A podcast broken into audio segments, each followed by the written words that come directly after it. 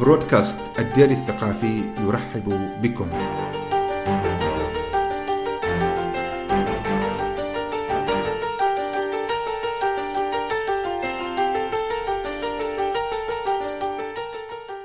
مرحبا بكم. نتحدث في هذه الحلقة عن الجارود ابن المعلى العبدي.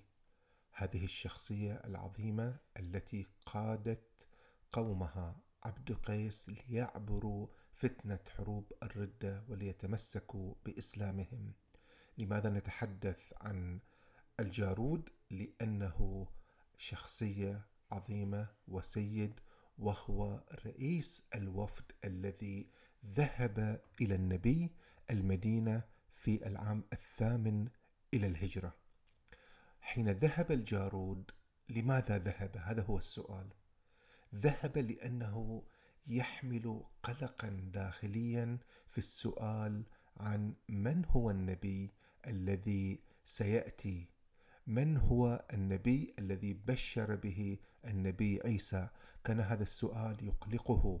كان لديه في قومه آه، رئاب الشني أحد الرهبان والأساقفة الكبار ولديه بحير الراهب المشهور والمعروف والذي رأى النبي وهو طفل صغير على طريق بصرى الشام وهناك كذلك قس بن ساعد الأيادي.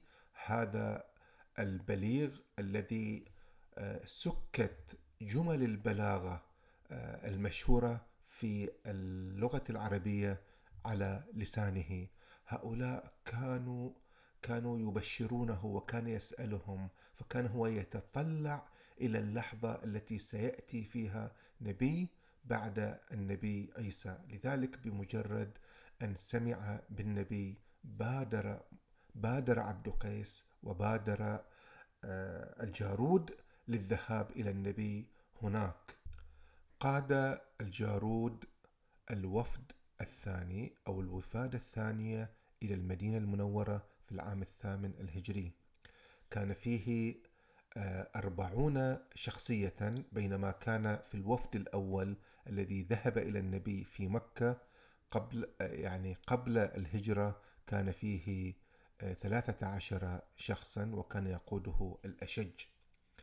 آه، على أي حال ذهب الجارود إلى النبي هناك والنبي آه، قبل أن يصلوا كان يبشر وكان يقول لأصحابه عن هذا الوفد وبمجرد أن وصل قال إلى الأنصار خاطبهم وقال لهم قوموا أيها الأنصار أيها الأوس والخزرج قوموا استقبلوا إخوانكم وأشبه الناس بكم. ماذا يعني النبي بأشبه الناس بكم؟ يعني أن هؤلاء أيضا هم أهل زراعة وأهل نخل والنخل يعرفهم كما أنتم أيضا أهل نخل وأهل زراعة وتعرفون للنخل ويعرفكم النخل. وكذلك لأن هؤلاء شبيهون بكم لأنهم آه، جاءوا من تلقاء أنفسهم حبا وإيمانا ومعرفة لا خزايا ولا ندامة كما أنتم استقبلتموني. وبالمناسبة أن البحرين كانت من ضمن المدن التي من المحتمل أن يذهب لها النبي. يعني كان لدى النبي مجموعة من الخيارات منها المدينة ومنها البحرين. ولكن فيما بعد استقر الوضع على المدينة لأسباب يعني تاريخية ولوجستية. ولكن كون البحرين واحدة من المدن التي كان يحتمل أن يذهب لها النبي. هذا يدل على فعلا أنهم أهل البحرين أشبه الناس بالأوسي والخزرج الذين هم الأنصار. ذلك هم أشبه الناس بالأوس والخزرج لأنهم متحضرون فأهل البحرين أهل حضارة أهل استقرار آه، يعيشون آه، حيث المياه حيث السواحل حيث الاستقرار حيث الحاضرة. وكذلك أهل المدينة. وهذا ربما هو الشيء الذي أعطى لنفوسهم هذه الأريحية وهذا الإيمان العميق والثبات.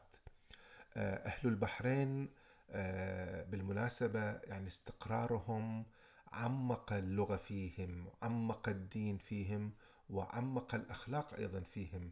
آه، إلى درجة أن الجاحظ كان يقول يقول شأن عبد قيس عجيب.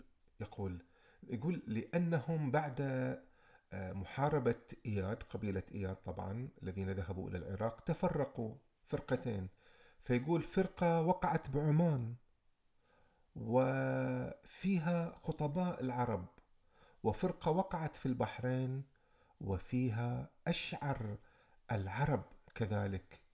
ويقول أنهم لم يكونوا كذلك حين كانوا في في البادية حيث معدن الفصاحة. يعني المفروض أن يكونوا هم أشعر العرب لما كانوا في البادية ولكنهم لما انتقلوا إلى الحاضرة في منتصف القرن الرابع الهجري وقبل الإسلام تقريبا بحلو ثلاثة قرون هناك صاروا أشعر وهناك تعمقت لغتهم أكثر وخطبائهم أيضا تعمقوا أكثر. ويقول أيضا الجاحظ وهذا عجب ومن خطبائهم يقول آه، المشهورين صعصع بن صوحان وزيد بن صوحان وشيخان بن صوحان وهؤلاء طبعا كلهم بحارنا يعني كلهم من أهل البحرين. قبر آه، آه، صعصعة معروف في البحرين وقبر كذلك زيد معروف في البحرين وهم بالتالي فعلا أشبه الناس بأهل المدينة من حيث التحضر والعلاقة بالزراعة. ولهذا التحضر تأثيره أيضا في الثقافة وفي التدين وفي العلم. آه، الجارود كان عارفا بتفسير الكتاب عارفا بتأويله ويقال أيضا أنه كان عارف باللغة الفارسية لأنه كان في القطيف وفي القطيف هناك آه، كما يمكن أن نقول قواعد عسكرية للفرس وهناك جاليات فارسية فلربما تعلم أيضا منهم هذه آه هذه آه اللغة. لذلك هو حين ذهب إلى المدينة كان يبحث عن شخص لديه قصة تشبه قصته. يعني شخص آه بشره أحدهم شخص كان يبحث عن النبي كان يبحث عن الإسلام كان يبحث عن دين جديد. فوجد ذلك في سلمان الف... سليمان الفارسي. سلمان الفارسي كان أيضا يحمل قصة شبيهة. لذلك تعمقت علاقة سلمان الفارسي بالجارود وتعمقت أيضا بزيد بن صوحان. يعني وزيد بن صوحان هو أيضا من قبيلة عبد قيس. فهذا الالتقاء في القصة في طريقة الإسلام في, الروح في الروحية أيضا ربما أيضا في معرفة اللغة الفارسية جعلت سلمان الفارسي قريبا من آه، عبد قيس.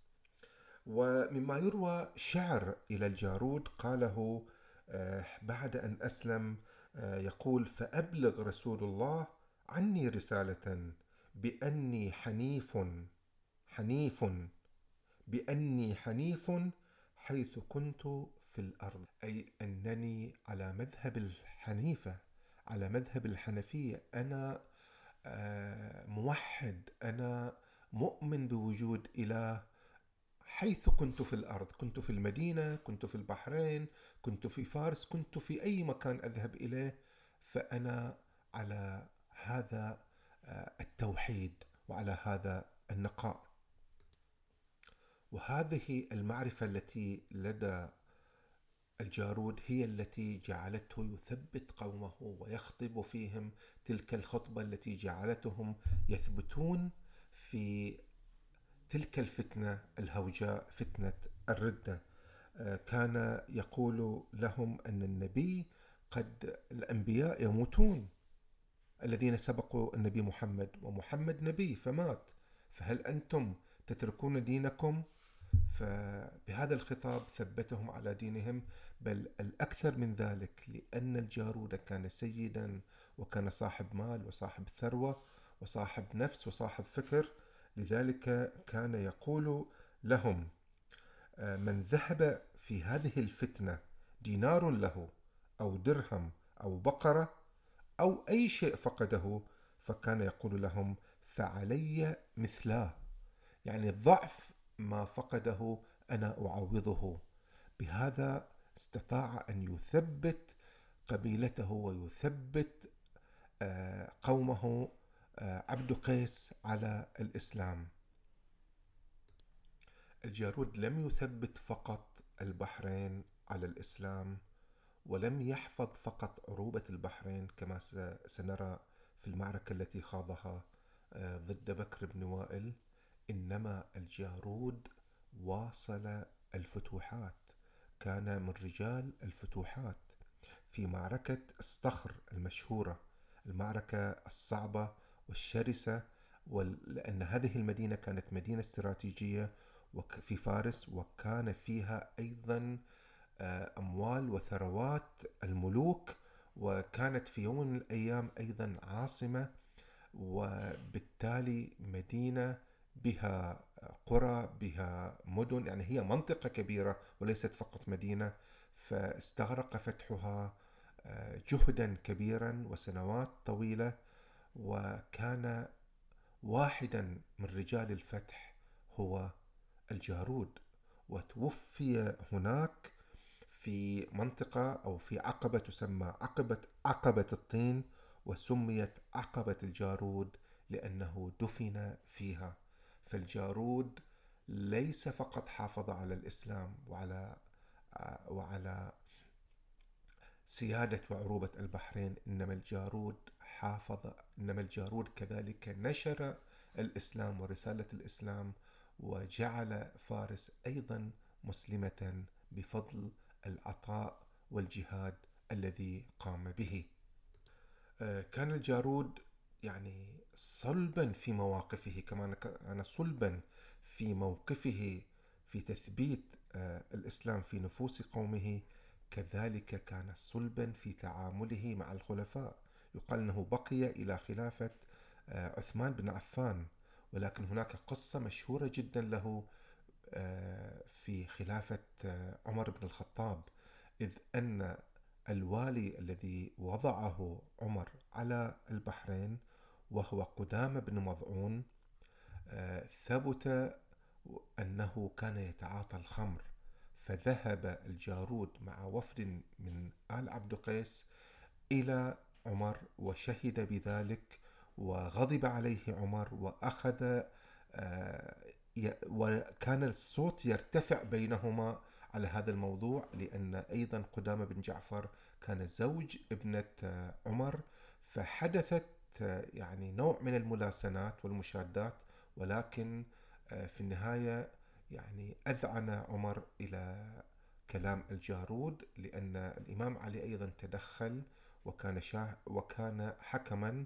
وكان طبعا ذا مكانة عند الخليفة عمر بن الخطاب فبالتالي والخليفة عمر بن الخطاب في النهاية آه، هو آه، يعني ليس خليفة أمويا أو عباسيا يعني ما زالت الخلافة الإسلامية يعني راشدة ما زالت تسعى إلى إحقاق الحق ولو كان ثقيلا عليها. فبالتالي حين ثبت الجرم الإمام علي تولى تحت موافقة الخليفة آه، عمر بن الخطاب تولى القيام بجلد قدامة بن جعفر وإقامة الحد عليه والجارود كان شخصية بالفعل آه، صلبة وقوية وثابتة واستطاع أن آه، يدافع عن البحرين في لحظة صعبة وفي الحلقة إن شاء الله القادمة سنتحدث عن أهمية هذه المعركة التي خاضها الجارود في تثبيت عروبة البحرين وفي تثبيت الإسلام فيها. Thank you.